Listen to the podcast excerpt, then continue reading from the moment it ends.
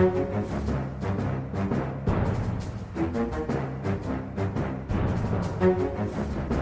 men Da ønsker vi rett og slett velkommen til en ny utgave av eh, Aftenpodden. Eh, vi er tilbake. Jeg heter Lars Glomnes. Og eh, den originale trioen, Trine Eilertsen, politisk redaktør, god dag, god dag. Hei. Det er hyggelig å ha deg her. Jo, takk. Som alltid. Sara Sørheim, kulturredaktør, på plass. Hallo. Eh, vi er denne gang uten en politiker. Vi har hatt besøk eh, den, de siste ukene. Ja. Nå klarer vi oss sjøl. Ja, Vi må ha litt pause fra, fra vår utrolig rause og åpne holdning. Det er veldig gøy å ha gjester, men eh, nå vil vi bare sitte og ha rommet for oss selv. Og også Ja. fordi det er påske og ikke landsmøte til helgen, da. Det er jo også en grunn. Det er også en, en årsak. Så vi kommer vel til å snakke litt om Venstre-landsmøtet, som jeg var på.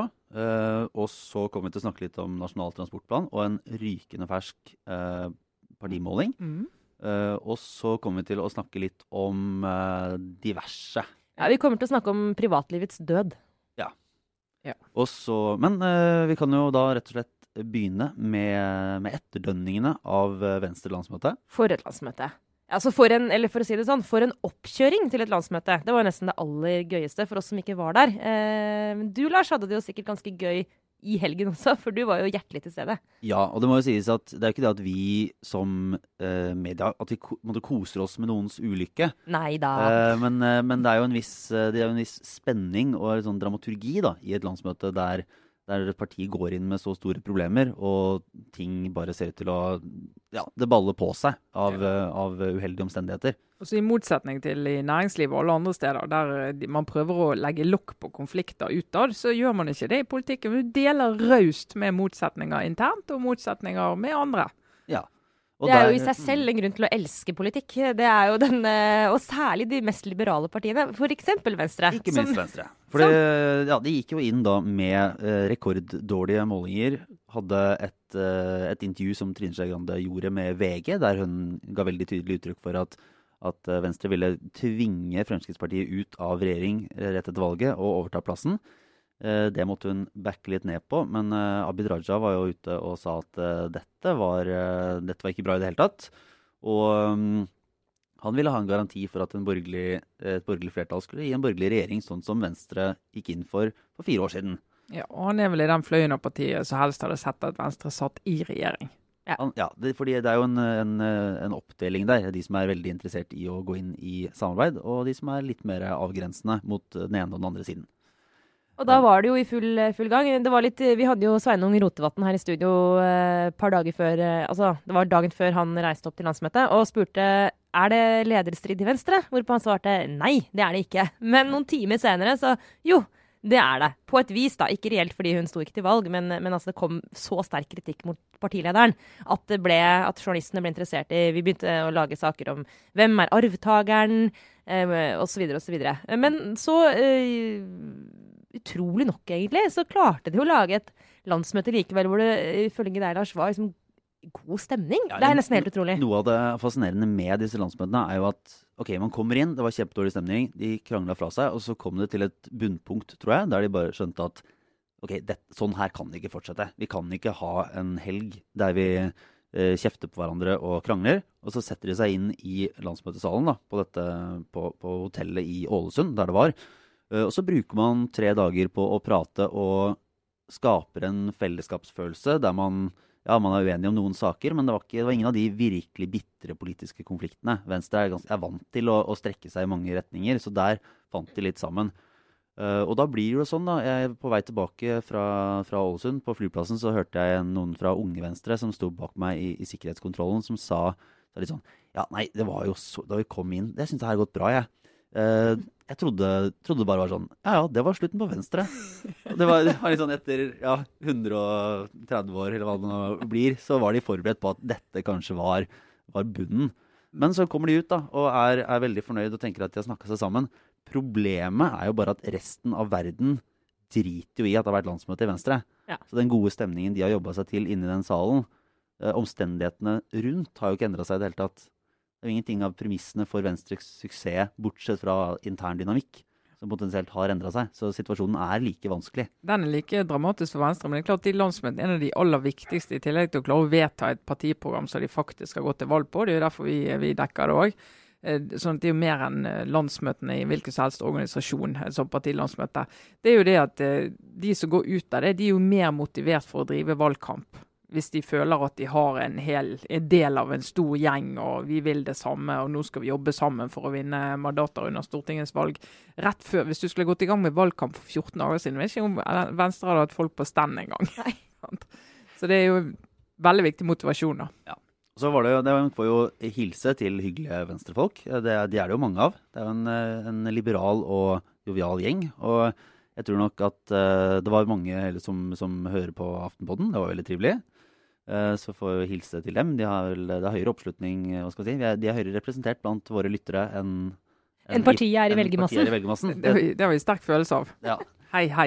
Og, eh, men for å nevne det som kanskje ga best stemning av alt, var jo da Knut Arild Hareide kom og holdt tale på uh, under landsmøtemiddagen. Ja, det var fascinerende. Jeg, jeg trodde ikke at det var sånn at folk fra et annet parti kom for å holde liksom selve festtalen. Eh, og det er vel heller ikke så veldig vanlig, men nå er jo ikke hele Venstre et helt vanlig parti. Eh, de, er jo, de er jo veldig åpne.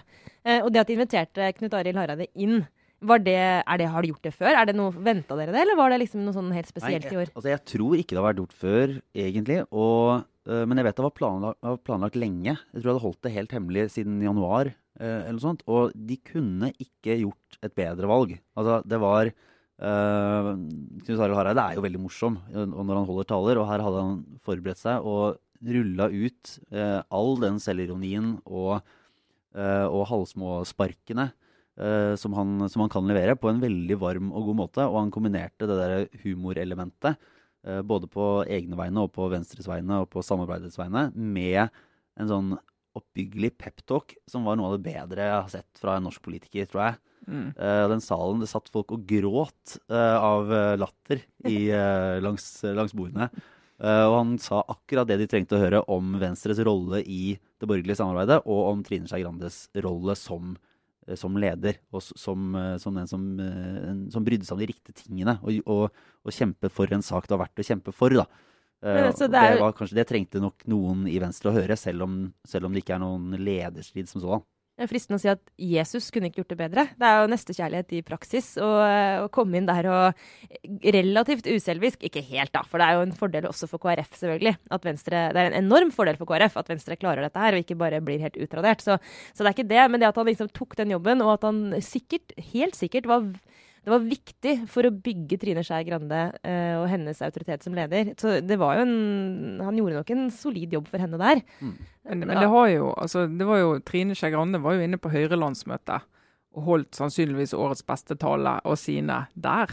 Uh, og feide jo, altså virkelig tok salen med storm når hun fortalte om uh, det borgerlige og viktigheten av samarbeidet og samarbeidet på godt og vondt. Så det er jo altså for alle disse som sitter her ute og er en del av et samarbeid som av og til ja, er ganske shaky, da, så tror jeg det er viktig for de å få den der følelsen av at ja, det er et riktig valg at vi, eh, vi samarbeider og er enige om at det er denne regjeringen vi skal ha. For det er ikke alltid like lett å tro på for alle. Men kanskje dette også er- viser litt det som jo er en sånn eh, kjensgjerning i politikken, er at de verste fiendene dine og de folka du hater mest, det er jo i ditt eget parti. Det er der veldig mange av kampene står. eh, Mens du kan ha veldig gode relasjoner til, til folk som Altså på tvers av partiene. Det er nesten enklere, for der har du jo ikke den kampen om posisjoner. Ok, det er, det er åpenbart valget hvor de har en, en kamp, men altså, det, det, er jo, det er jo den derre albuinga og den derre virkelig litt mer sånn posisjonskriginga foregår jo i partiet. Men det er akkurat som du krangler mer med familie enn med venner, vet du. Ja, ja.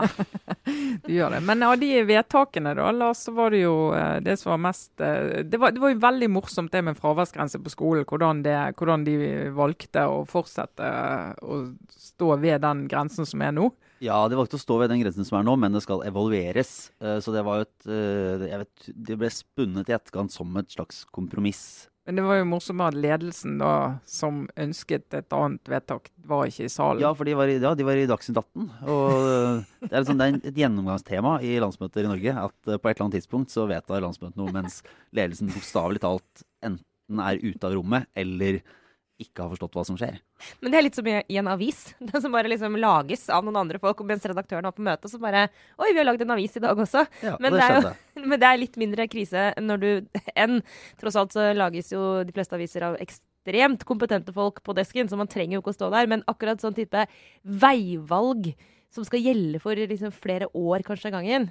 Programtekster og sånn. Mm. Det, må, det må jo føles som et mytteri for eh, partiledelsen at de bare Men, men det, skjer, det skjer jo stadig vekk. Eh, Altså, Ledelsen går på en eh, smell. og Det du kan være helt sikker på da, det er at det er ikke den saken som står øverst på listen når de skal i en eventuell regjeringsforhandling. ja, For da ville det ikke gått ut. Arbeiderpartiet og tenner. De vedtar jo stadig vekk at staten skal betale for tannhelse, men det kommer aldri. Det var jo aldri. et annet vedtak som var et, et viktig ja, Jeg vet ikke, det er kanskje Jeg får sikkert kjeft for å kalle det et symbolvedtak, da. Men eh, de sa jo nei til 24. konsesjonsrunde.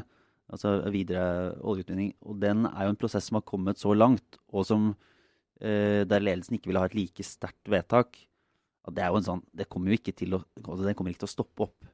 Uh, og det tror jeg egentlig alle var litt sånn innforstått med. At det er ikke Mm. der den store kampen for Venstre kommer til å stå. Og det kommer ikke til å være noe ultimatum for å stoppe dette dersom det fortsatt blir et borgerlig flertall og forhandlinger til høsten. Eh, men det er viktig å gjøre. Og da er det sånn som noen sier, ja, det, heldigvis så skal ledelsen drive forhandlinger. Og det, da er det noen ting som kommer opp, og noe man får igjennom, og noe som ikke kommer opp, og noe man ikke får igjennom. Ja, Og sånn, eh, sånn er Det det. er ikke alt man kjemper like hardt for. Men det er jo litt sånn tøffere diskusjon i Venstre, da. For der er det jo to fløyer. Sant? Som er liksom hvordan skal vi forholde oss til at Norge er en oljenasjon når vi skal gå inn og nå alle disse klimamålene. Så det er jo en reell uenighet. Fallhøyden er jo litt større hvis man vedtar ting som ledelsen ikke vil ha i Arbeiderpartiet eller Høyre, for da er det jo litt kortere vei til faktisk gjennomført politikk. Ja. Men eh, det var egentlig bare en, en liten bit, fordi vi gikk jo inn i dette landsmøtet med eh, Altså, det så jo helt forferdelig ut for Venstre. Eh, og en kan spørre seg om det ser så mye bedre ut nå, men det var jo liberale partiet Venstre eh, følger tradisjonen med å henge opp alle medieklippene, altså alt det som skrives, eh, på en vegg. Og printer ut eh, nettsaker og alt mulig rart. Og det, var jo, det så jo helt jævlig ut. Det var jo en, eh, det var jo en, sånn, en klagemur uten like. Fordi alle kommentatorene eh, kom jo med dommedagsprofetier og eh, kritiserte partiledelsen og strategi. Og det var virkelig sånn hvis du sto og leste på den veggen for lenge som venstremenneske, så må du jo ha blitt fullstendig deprimert. Men de, eh, men de er liberale, da. Så, så selv, da, selv Frank Rossavik, som har skrevet at Venstre eh, var et parti som nå er moden for nedleggelse, eh, det var flittig hengt opp så alle kunne lese og få med seg nyansene i, eh, i den ekstremt velskrevne og ganske krasse kommentaren da, fra vår kollega. Men- ja, men der var jo- det, ja. Jeg må fortelle om en vittig episode. da, så Frank var på vei opp til landsmøtet. Det er jo sånn som kommentator når du har skrevet en sånn ikke, Det er jo ikke så mange som skriver en kommentar akkurat som Frank gjør, men så krass som han gjorde. Og det er jo flere av oss som opplever at du har skrevet om et parti som du skal på landsmøtet, og du har liksom banket de ganske hardt. Og så blir du litt sånn spent når du skal inn på landsmøtet. Hvem er de første du treffer? Kommenterer de det, eller gjør de det ikke? Eh, Frank han kom på flyet og satt plutselig ved siden av Abid Raja. som, Så sitter det en eller annen sånn gammel statsviter i et reisebyrå eller på, og bare Jaså, ja.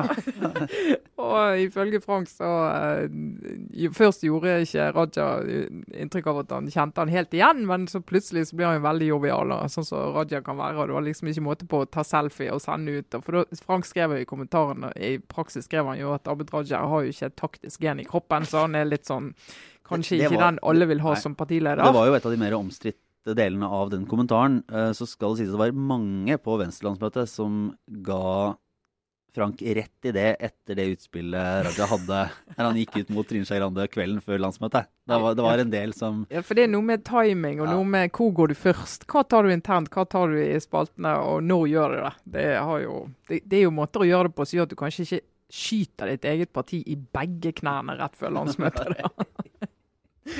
Og så eh, Ja, nei, du får egentlig bare avslutte den lille venstre-delen. Ja. Eh, var et, eh, var et trivelig Med et godt, men ubekreftet rykte. Som så Det er jo ikke av de, av de mest spennende, men det var jo et, det var jo en hyggelig, et hyggelig selskap også i etterkant av denne festmiddagen. Og Unge Venstre hadde da et nachspiel der de har der det, var, det var mer partikultur enn det har vært i noen av de andre landsmøtefestene jeg har vært på det siste. Så den får opp måte, Det var ingenting veldig, veldig galt som skjedde, men det var, ganske, det var høy stemning og mye sang og mye leven. Uh, og det var jo da til forlystelse også for uh, naborommet til dette avsatte nachspielrommet, der Trine Skei Grande lå, og uh, visstnok da ikke fikk sove i det hele tatt, fordi de fikk uh, gjentatte varianter av Den grønne revolusjon, som er tydeligvis kampsangen til Unge Venstre, Ja. sammen med sammen med uh, Wind, Er det Wind of Change eller Winds of Change av Scorpions. Eh, En av verdens fineste sanger. Det Men- er eh, Ja, den, den må, den- man må alltid uh, klemme hverandre når man synger i fylla.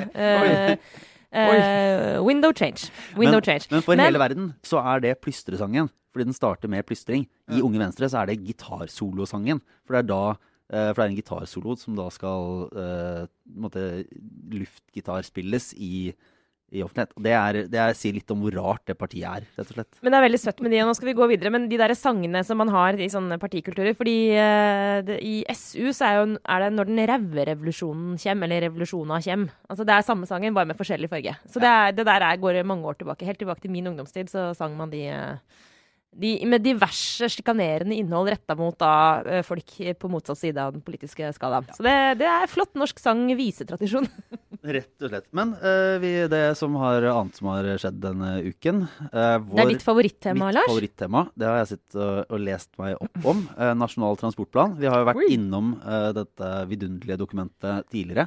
Fikk vi kjeft for at vi var overfladisk. Kan du forstå det? Ja, fordi jeg våget å si at jeg syns det er drepende kjedelig. Etter å ha lest en del av det i går, så kan jeg stå ved det standpunktet. Det er fortsatt ganske kjedelig. Men det er nå som hele dokumentet er klart, så gir det i hvert fall mulighet til å se litt på politiske skillelinjer og hvordan det faktisk vil ha en innvirkning. For nå har jo regjeringen fått eh, løpe rundt i landet og delt ut milliarder i månedsvis. Nå Mm. ser man litt mer av helheten.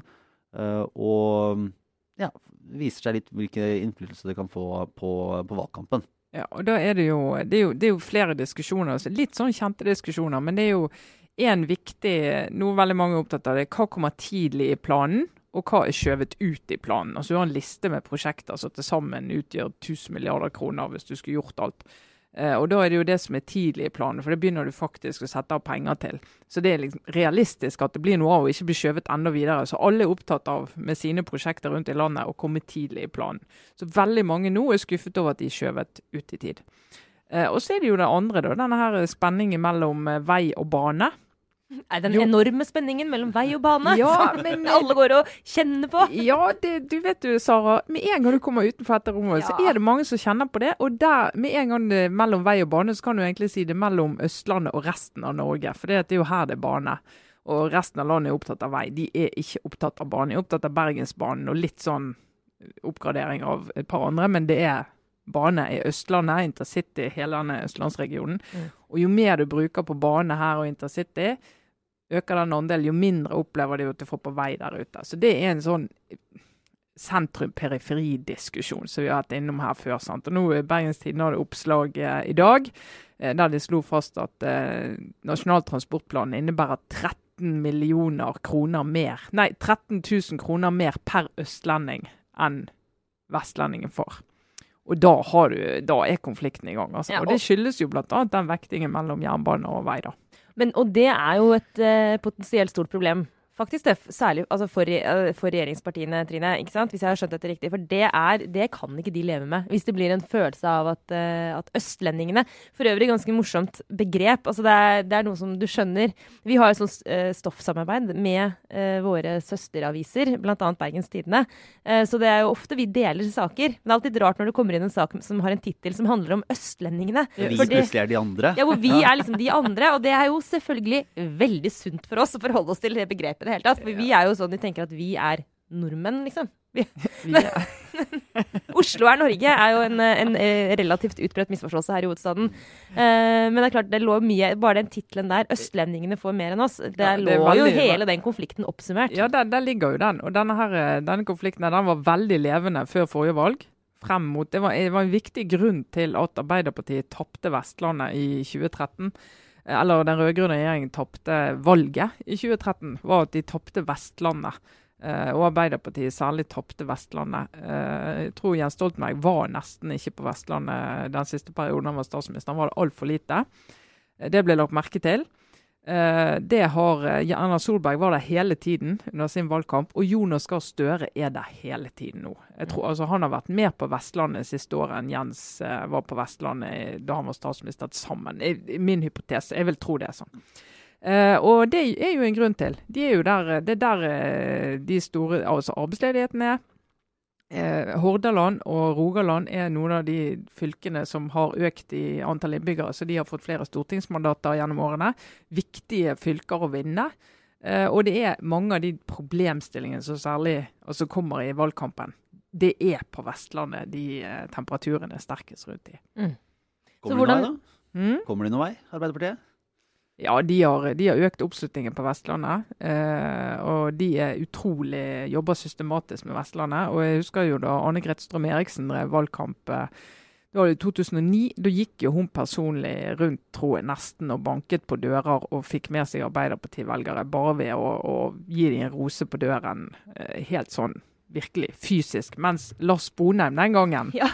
Venstrepolitikeren som røk ut og mistet både lederjobben og alt som var, han eh, drev i valgkamp i Oslo, i studioen i Oslo. Mm. Eh, og glemte eh, heimebøen. Og det kostet dyrt. Det var veldig sånn læring, tror jeg, for en del, det som skjedde i den, eh, den eh, perioden. Han gikk vel over fjellet, ikke på den mest metaforiske og grusomme betydningen av dette, men altså helt konkret. Han, han gikk til Oslo første gang han kom inn på Stortinget, over Ja, det lovet han jo, at hvis han fikk stortingsplass, eh, så skulle han gå over. Så det gjorde han. Synd han ikke gikk tilbake, rett og slett. Det burde han ha gjort. Men, men bare når det gjelder dette her med den konflikten, det er uhyre interessant. Du har helt rett, Trine. Det er sannsynligvis kanskje Det er den, den store konflikten i dette landet. Disse spenningene, ikke mellom nødvendigvis bare bane og vei, men mellom øst og vest.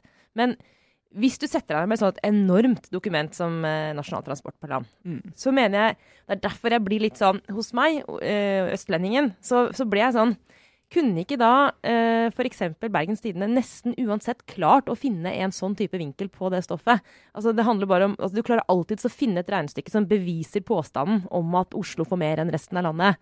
Eh, på samme måte som vi også alltid klarer å vise til at liksom, den brua der på Vestlandet kosta så mye. Altså Er det et riktig bilde? Nå vet jeg at ingen av oss kan si Vi har ikke lest hele planen, vi heller. Men du får sånn av at den konflikten alltid ligger under, så får man sånne ikke, jeg skal ikke si fake news, men du får sånn litt følelse av at det er en villet problemstilling. Da. Det er vel vinkelig, men jeg, bare, jeg har ikke noe fasit på dette i det hele tatt, for det er jo ekstremt vanskelig. Men eh, det var jo påfallende at NTB hadde en sak, en nyhetsmelding i, i, ute i går, der det var sånn Hordaland er NTP-vinneren. Ja, nettopp. Ikke sant? Og da, Mm. Så det, dette kan jo Du kan Det er nettopp det, da. Du, kan, du kan gå inn i alle mulige slags vinkler i et sånt stort dokument Og og det er mange måter finne å ut se av det på. hvordan det vil regne. Og en av grunnene til at eh, jernbane er litt mer dominerende, det er jo at vi, si, vi som nasjon vil ha ned klimagassutslipp. Vi Mm. vil at folk skal ta mer tog og ikke kjøre inn til Oslo. Og at, hele, at det skal gå an å bo i omlandet rundt Oslo uten å kjøre bil inn der hver dag når du har jobb i Oslo. Og at du faktisk skal kunne frakte folk på en klimavennlig måte inn og ut av byen. Og Det er jo et nasjonalt ønske, et nasjonalt mål. Eh, og Det er jo riktig å satse på det, men så ser det veldig vondt ut når du bor eh, på Voss og du skal, eh, du skal kjøre på E16 der steinen faktisk bokstavelig talt raser i hodet på deg, og du sier men hva, er ingen som har lagt merke til det? Mm. Si- Siger jo statsråder innom der hver gang det har gått et ras og sier at dette må vi gjøre noe med, men så opplever de at det blir skjøvet ut i tid. Sånn. Så det er veldig sånn, veldig sånn fysisk, det med vei og bro og togbaner. sant? Nå kan jeg få skyte inn noe, Lars, apropos det. For jeg skjønner jo at dette er, ikke sant, dette er komplisert landskap. eh, rent sånn det er mange som skal være happy, og du klarer ikke å gjøre alle happy. Utfordring for politikere ofte. Men det er jo noe med denne formuleringen. Jeg vet ikke om du også nå brenner etter å snakke litt om formuleringer i NTP, Lars? For det, jeg har tatt med meg i hvert fall én. Det er bare, det, dette er enorme dokumentet. Det var nemlig sånn okking og oing eh, fra noen i redaksjonen i går som da ble satt til å dekke dette, og måtte lese gjennom veldig mye av det som står der. Og det er en språkbruk, og jeg synes høydepunktet var vår kjære kollega Olav Eggesvik som, som noterte seg at det er et, altså de, Ordet 'robust' har jo slått ned eh, som en bombe i det norske språket, men altså her tas det et skritt videre. Eh, ifølge NTP så skal man altså innføre robustiserende tiltak. og det er også på Follobanen, hvor man skal, ha et, uh, man skal bruke 80 millioner i den første perioden uten at det spesifiseres nærmere hva som skal bli robustifisert. Det er bare en sliten stjerne i boka til den uh, embetsmannen eller kvinnen som har skrevet denne setningen. Som for øvrig ble tatt av Aftenpostens retteprogram. Så i, på trykk i papiravisa i dag så står det isteden 'romantisert'. Det er, eh, det er bare Ketil Solvik-Olsen som har så nært og varmt forhold til NTP. Men jeg tenkte vi har fått en, eh, vi har en det som kalles på fagspråket en rykende fersk måling. Ja. Eh, rett og slett en stortingsmåling eh, for Aftenposten. Så vi kan jo dra gjennom den og se om det er noe vi kan eh, analysere Ja. eh, ut av konsekvensene. Da har altså Arbeiderpartiet går tilbake halvannet prosentpoeng. Dette er etter at NTP ble lagt frem, eller? Nei, altså det er tatt opp eh, fra mellom 3. og 5. april, oh, ja. hvis jeg leste dette riktig her. Eh, så Arbeiderpartiet tilbake halvannen til 30,5. Høyre går litt grann tilbake, 23,6. Fremskrittspartiet går 1,8 frem, men de lå ganske lavt sist. Mm. Så kan man høre eh, Senterpartiet fortsetter å gå frem til 11,5. De har ligget lavt på våre målinger egentlig gjennom hele, så det følger jo trenden, da. Eh, KrF stabilt, nå greit, trygt over, eh, over sperregrensa på med en eh, 5,7. Eh, SV kast, hoppa opp etter landsmøtet sitt, 5,4. Venstre ligger trygt under sperregrensa på 3,6 ikke noe stort landsmøteløft for Nei. Venstre der, med andre ord. Nei. Nei, men de skal være glad det ikke gikk verre, egentlig, med tanken på De får nesten være Om de er relativt stabile etter den uka der, så er jo det i seg selv en seier, er det ikke det? Nei, de er, jo, de er jo litt der nå. Det har vært verre før. Vi har vært nede på 2,1 i nyere norsk historie, så dette det kan, det kan bli verre òg. Men er, eh, altså Arbeiderpartiet skal ha landsmøte. De ligger nå på 30. Det er ikke et spesielt godt utgangspunkt for dem. Ja, det, de- hvordan vil du beskrive, eller hva, hva tenker du om situasjonen der, Trine? Nei, altså jeg snakket jo med en i, en i partiet denne uken, og da snakket vi litt om det at de har de står jo og slurer litt på målingene. De, altså I starten, når den blå regjeringen kom, så tok jo Arbeiderpartiet cashet jo inn all misnøyen. Og var jo opp, opp mot 40-tallet på en del målinger. sant? 37, 36, 38 Eh, og, og de andre partiene fikk ingenting. Det var før Senterpartiet kom i siget Mm. eh, ordentlig. Eh, mens nå ser du de har mistet mye av den der voldsomme misnøyebonusen. Og så ligger de og lunker litt, sånn litt, litt ikke høyt nok over 30-tallet til å være komfortabel. da. Eh, Men som han sa, at eh, når vi analyserer våre tall, og der er jo som sagt en i, en i partiet som sier, så ser vi at ja, vi taper noen til Senterpartiet, en del sånn som er opptatt av den distriktssentrumsaken. Eh, Men vi ser også en god del som hopper på gjerdet. Og for et parti er jo ikke det så dramatisk som at du faktisk lekker til et annet parti, for da vet du at du kan mobilisere dem. Så de er ganske, ganske rolig på det ennå, men det de selvfølgelig er bekymret for, det er jo hvis Senterpartiet blir et 15 %-parti. Altså mot formodning, for så vidt, men det, men det er jo mange som Altså, det er jo- snakker om det at du, hvis du kommer i en situasjon der du har et Senterparti som er halve størrelsen av et Arbeiderparti, at det er en litt annen situasjon å regjere igjen da Senterpartiet var mye, mye mindre. Det er mange som frykter den problemstillingen, også utenfor Arbeiderpartiet. Ja. Men eh, vi får eh, egentlig fortsette, og så kommer det jo mer dekning av, av målingene, og de, de kommer jo stadig vekk. Men eh, det, er jo, det er jo trender som kan være interessante å se. Men eh, vi går inn i litt obligatorisk refleksjon på nå mot eh, tampen av uka. Eh, Sara Sørheim, du, du har delt bilder i, i sosiale medier av deg selv med en, en sel. Åh, selen Snorre. Vi kan legge ut på, på chatten vår på eh, Vi har en sånn chatside som vi kan eh, dele litt, eh, som hvor dere kan lese litt de diskusjonene vi har i forkant og etterkant av sendingene våre. Der kan vi også legge ut noen flere bilder, for det er sikkert veldig mange. Det er et behov der ute for å se flere bilder av selungen Jeg Snorre. skjønte, jeg skjønte ingenting da jeg så de bildene i går. Jeg tenkte at Jeg la nå, ut et bilde av meg med ja, den nå har det bikka. Ja, det har jo Ja, men det. det bikka jo. Det skjedde, det ble bikkings, liksom, på scenen der. Altså, vi hadde et arrangement i går som handlet om, som alle konferanser gjør nå, om digitaliseringen av hele verden og arbeidslivet og hva skal vi leve av, og hvordan kompetanse skal vi i all verden klare å bygge opp for å redde oss gjennom årene som kommer. Omstilling, grønt skifte, you name it. Men det er jo helt reelle problemstillinger. Men så gårsdagens konferanse handlet om også på en måte å se at den teknologien vi nå har fått, den demokratiseringen av mye teknologi som gjør at veldig mange av oss kan bruke verktøy nå som vi ikke hadde før, det fører til rett og slett oppfinnelser. Ting som kan brukes. Og det, det her var en stasjon som handlet om at man kan bruke moderne teknologi der ute i arbeidslivet. Og denne selungen, det er da eh, Den brukes i arbeidet med psykisk syke og demente. Det er, en, det er et kosedyr. Et, ufattelig avansert kosedyr. Det er en Psykisk selunge. syke, demente og redaktører. Og redaktører som er litt sånn slitne. Desillusjonerte redaktører Ja. uten livsgnist igjen.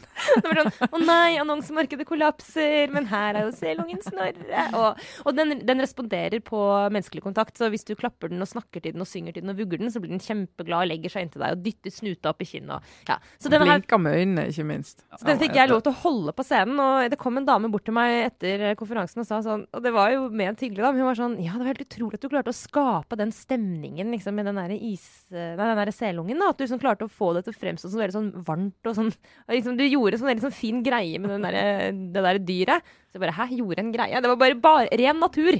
Men, ja. Uansett. Men der eh, Den koster 49 000. Jeg prøvde, jeg var sånn Kan jeg få denne? Det kunne jeg ikke. Men det viktigste kanskje som skjedde i går på denne konferansen det, Jeg skal ikke dra i detalj, dere kan se det på Det ligger på aftenposten.no og på YouTube. Men uh, det er en fyr som heter Mikael Kosinski. Han er nå en sånn som alle snakker om. Uh, fordi han har funnet opp noe som heter psychometrics. Han er en av de som har klart å, å bruke det og funnet en metode hvor du setter sammen all digital informasjon du har om et menneske, kobler det sammen med personlighetstester og får ut av det, etter å ha mata en datamaskin full av denne informasjonen, så får du ut en sånn personlighetsprofil på folk som er veldig presis. Og dette kan du gjøre i, med, dette er big data. Du kan gjøre det med, med et helt enormt uh, tilfang av informasjon. Uh, og det du får ut da, det er uh, veldig spesifikke resultater på hva folk mener, og hva de føler. Uh, du kan bruke det i, i, annonsering, du kan selvfølgelig bruke det i politikken. Alt, når du trenger å påvirke folk, så får du vite akkurat hva er mine likes og dislikes. Og dette er altså en måte å plassere folk i bås på som gjør at sånn demografitankegang, som man har brukt mye særlig i politikken, at du, du, spisser et budskap mot en gruppe folk, det er nå helt avleggs. For nå kan du spisse det mot individer. Mm. Og det åpner for Altså, det er nesten sånn. Det åpner altså for en annen måte å kommunisere og ikke minst manipulere folk på som var helt vill. Og, og, og Kosinski bare avslutta sitt foredrag med å si 'Privacy is dead'. Det, mm. Nå må vi bare ta det innover oss. Privacy is dead, og så må vi heller begynne å altså, oppføre oss et, altså, med det som utgangspunkt. Mm. Det er fascinerende. Det var jo en, en ny uh, amerikansk lov nå nylig som også uh, aksepterte at, at, uh, at, man nå kan selge folks nettbrukeres internetthistorikk. Ja. Så tenker jeg Hvis vi kan se alt det man har vært inne og lest, og hvor, hvordan man bruker ulike nettsider, så begynner det å tegne en ganske klar profil av et menneske etter hvert. Ja, og det som jo er en sånn eh, bakenforliggende årsak her, at jeg har alltid tenkt fram til nå at for å være helt ærlig, jeg har ikke vært så stressa for egentlig hvilke spor jeg etterlater meg. Fordi jeg har, jeg har jo tenkt at dette er nåla i høystakken. Jeg, det er det er jo begrensa hvor interessant jeg er. Og det er ingen andre som har fulgt med på meg i så mange år at de klarer å sette sammen alltid et stort bilde. OK, så skrev jeg kanskje noe på Facebook på et tidspunkt som avslørte noe ganske tydelig i mine politiske sympatier, men det er åtte år siden, og ingen som ser det nå. Eller, altså, alle har liksom ting, men du tenker liksom at det er ingen som oppdager det. Og det har jo vært sannheten også med avlytting av telefoner. Altså, det er veldig få av oss som går og deler statshemmeligheter uansett på mobilen, liksom. Så du må tenke at man blir borte i At man er, man er um, heldigvis beskyttet av at man er en del av mange. Det som har skjedd nå, er jo at eh, nå kan datamaskinene og disse programmene prosessere veldig mye mer informasjon enn det menneskehjernen klarer. Så de mønstrene som har vært skjult for mennesker, de stiger nå opp og blir synlige for eh, datamaskin. Og da er det ikke mulig å gjemme seg lenger. Og det er en litt sånn chilling eh, erkjennelse. Mm. Og det kan brukes f.eks. til å vinne valg. Eh, mange har sagt at Kosinski sin metode var utgangspunktet både for brexit og for uh, Trumps seier. Det avviser han. Men det er jo nå mange konsulentselskaper som uh, kappes om å, å, bli best på det her som heter psychometrics, og, mm. og forutse folks personlige preferanser og, og, reaksjoner på politiske budskap, og bruke det i kampanjer. Og dette, altså Hele diskusjonen rundt f.eks. politisk reklame blir jo uh, helt irrelevant i denne sammenhengen. Mulighetene for å drive manipulasjon er nå liksom de er store. Men, det, var, det, var, jo litt interessant for mange Jeg har jo flere venner hos denne. Jeg er ikke på Facebook, så jeg er beskyttet fra det der. Jeg blir ikke logget på den måten. Men han snakket jo både om søkehistorikken din, Spotify-listene dine, altså alt du gjør digitalt. Kredittkortbruken din. din. Alt kan gå inn i denne her databasen, din digitale historikk. Eh, som du bruker. Og, og klarer, du kan jo ikke velge vekk å være digitalt til stede, selv om du ikke er på Facebook og ikke er på, på Twitter. Sant? Mm. Det er interessant. Litt uh, småskummelt. Ja, så Derfor så trøsta jeg meg i går, etter at jeg hadde brukt dagen på dette. Så gikk jeg hjem og så leste jeg den beste saken jeg har lest i noen avis på evigheter. Eh, som Min Mote presenterte i går kveld. Som jeg bare anbefaler alle å lese. Så det var en tragisk historie fra det oljedopa samfunnet Norge. Hvor en, eh, en, en dame i Sandefjord hadde tatt på seg joggedress eh, i tråd med uh, joggedress. Ja, i tråd med det som nå er en mote. Nå prøver jeg å slå opp her, for jeg husker ikke hva det heter. Jeg tror det er At Leisure.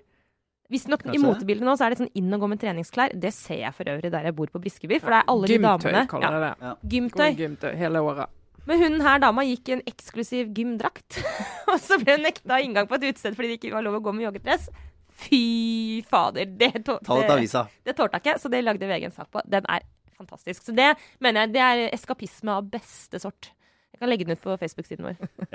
Åh, ja, jeg kan jo bare kjapt min eh, lille, lille refleksjon. Av og til så dukker det opp noen eh, historier som bare knytter ting sammen. Og uh, den amerikanske religiøse høyresida, uh, som nå til dels sitter i, i Det hvite hus, er visepresident Mike Pence, han, uh, det dukker stadig opp noen små historier. Og han har jo da en policy på For det første, han drikker aldri alkohol hvis ikke kona er til stede. Og han spiser aldri middag alene med en kvinne. Um, og det er, en, det er en del av en amerikansk politisk trend som er veldig forsiktig. Mm. Uh, med, altså det er mange politikere som, som sier at de ikke har møter med personer av et annet kjønn uten at døra er åpen, eller at det er tredjepersoner til stede. Men det er jo fullstendig Ja, for- eh, Jeg vet ikke om det er paranoid eller, uh, eller på en måte narsissistisk. For det vitner jo om en helt merkverdig forståelse der, der alt åpenbart bare er kjønn. For det er ikke fordi han er alkoholiker og overgrepsmann at han ikke gjør det? Altså det det sånn sier jo ikke historien noen ting om. Uh, man, men man begynner jo nesten å bli bekymra hvis, hvis, uh, hvis, hvis en middag med en person av det motsatte kjønn er, er uh, nok til å sette i gang Men enda, Ja, mer skremmende, enda mer skremmende enn det er jo om dette faktisk er et bevisst At han, han sier det bevisst fordi, han, fordi det er et budskap som treffer folk. Fordi den der vanvittige nykonservative religiøse orienteringen gjør at, liksom, at, man, at det liksom er en sånn verdig ting å ikke eh, blande Altså ikke sitte alene med en kvinne. Altså det, det er jo helt Saudi-Arabia. Ja, Det er men, helt ja, men altså bak ligger jo samme logikken som når menn eh, krever at kvinner skal dekke seg til. Eh, dekke til hår og dekke til hud og dekke til ansikt. Så er, er jo premisset her er jo at mannen ikke kan styre seg. Det er jo Ja. premisset. Du på en måte aksepterer at mannen er dyr, som ikke har kontroll på seg sjøl.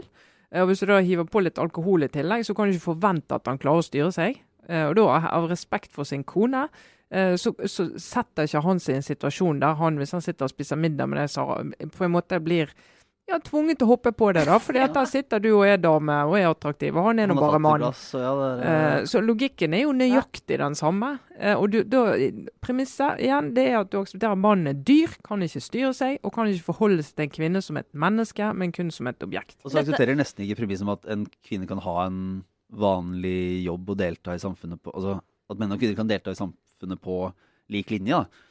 Nei, du skal eh, skape nye hindre for at du kan ha et eh, arbeidsliv og et samfunnsliv der menn og kvinner opererer sammen om å samarbeide om å nå mål og diskutere for at resultater skal bli bedre og alt dette. Det er nesten ingenting som er, som er mer eh, pro, Altså eh, samfunnet hvis, At dette i det hele tatt skjer i virkeligheten. Jeg leter etter ordene. For det er sånn Det går ikke an. Det er så tilbake til steinalderen. Altså, vi må bekjempe disse holdningene der de er. Ikke liksom invitere de tilbake inn i samfunnet, hvor vi heldigvis har liksom kommet forbi det.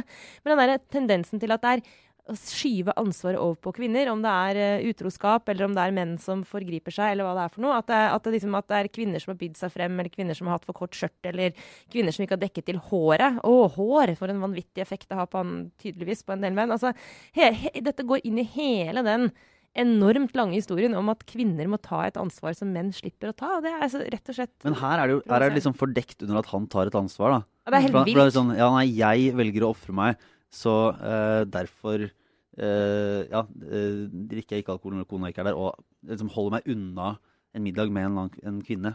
For, og det, ja, se så verdig og uh, Ja. oppofrende Jeg, jeg er en mann som virkelig setter pris på min kone. Det er jo Ja. liksom det han prøver å si. Og så sier han samtidig at hvis han får si hadde han søkt jobb hos meg på en eller annen måte, så sier du kan jo ikke jobbe her, for du er jo yrkeshemmet. Kan du ikke ha medarbeidersamtaler, dere, Du da? kan jo ikke gjøre jobben din eh, på en ordentlig måte. Så det, Det er det bra var- han er plassert i Det hvite hus, da, hvor han ikke kan gjøre noe der går det særlig. helt der er det ikke så mange andre Der er det jo ingen kvinner og Men eh, ja, nei, vi får egentlig nærme oss av. Men eh, Trine, hva Ja, nei, jeg skal være kort uh, i dag. Og jeg må bare Jeg, har, um, jeg kom seint inn, men jeg er til gjengjeld uh, tungt inne nå. Må anbefale. Jeg tror jeg skal bruke påsken på å se ferdig fjerde sesong av The Americans uh, på Netflix. Serie, Amerikansk serie, selvsagt. med handlingen lagt til sånn tidlig 80-tall, 1982-83-ish. Eh, da var jo jeg sånn 13-14 år, og liksom i ferd med min eh, oppvåkning som samfunnsborger. Vi har sett bilder, jeg og Lars. Ja, det har dere. Eh, De var gøye. Og så uh, midt i den kalde krigen, uh, og disse her uh, paret vi følger, de er jo da sovjet, sovjetiske borgere. Som eh, er utplassert i USA og skal være agenter fra innsiden og lever helt amerikanske liv.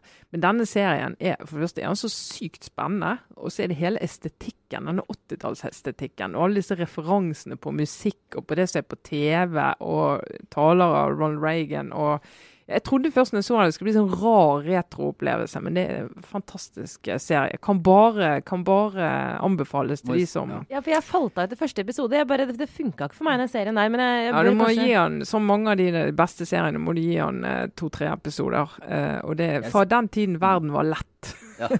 Jeg spiste meg gjennom he hele alt det som lå eh, på, på veldig kort tid. Og det er jo fascinerende blanding av eh, litt sånn storpolitisk drama, eh, spionting og familie...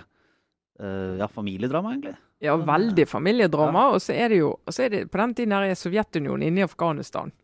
Eh, Og du ser eh, Du møter liksom en del av disse sovjeter, du sier russere, da, eh, som har familiemedlemmer som er i Afghanistan som soldater, og liksom hvordan det oppleves. Og denne håpløse krigen. Og det er sånn, Den gangen da Sovjetunionen var i Afghanistan, så opp, vi så jo det aldri fra den sovjetiske siden. Hørte ingen historier om det. Utelukkende, det var jo vi opptatt av av Afghanistan og USA og alle sendte jo en haug med våpen til det som senere ble Taliban. Det var jo en skikkelig flott, Kjempelurt. flott strategi. All, heldigvis har alt løst seg siden, Ja, da, eh, så siden det den løste gang. seg, og så fikk jo en ny krig noen år etterpå som lignet egentlig ganske mye på den, men da med, et, eh, med andre aktører. Sånn, så det er sånn, ja, nei, Veldig bra. Anbefales. Jeg kan på tampen av det ta to små anbefalinger av andre kulturelle uttrykk som jeg har presset inn mellom landsmøtene. Big Little Lies på HBO, som er et, eh, et annet familiedrama. Eh, Veldig, veldig godt. Det vil jeg anbefale. Bare syv episoder. Det er ganske effektivt. Eh, Og så har jeg selvfølgelig begynt å høre på S-Town, oppfølgeren til Ja, Serial. det gleder jeg meg til. det jeg meg Det er.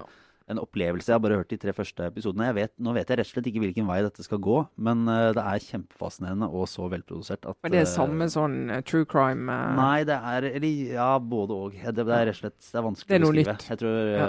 for det får, får, får bli en, en annen gang å gå dypere inn i, for det er veldig mye rart. Rett. Men uh, vi får også runde av for denne uken. Vi er vel Det er har- mulig at vi har en liten påskeferie, Vi kommer til å ha påskeferie men så er vi tilbake i forkant av Arbeiderpartiets landsmøte. ja, med gjest.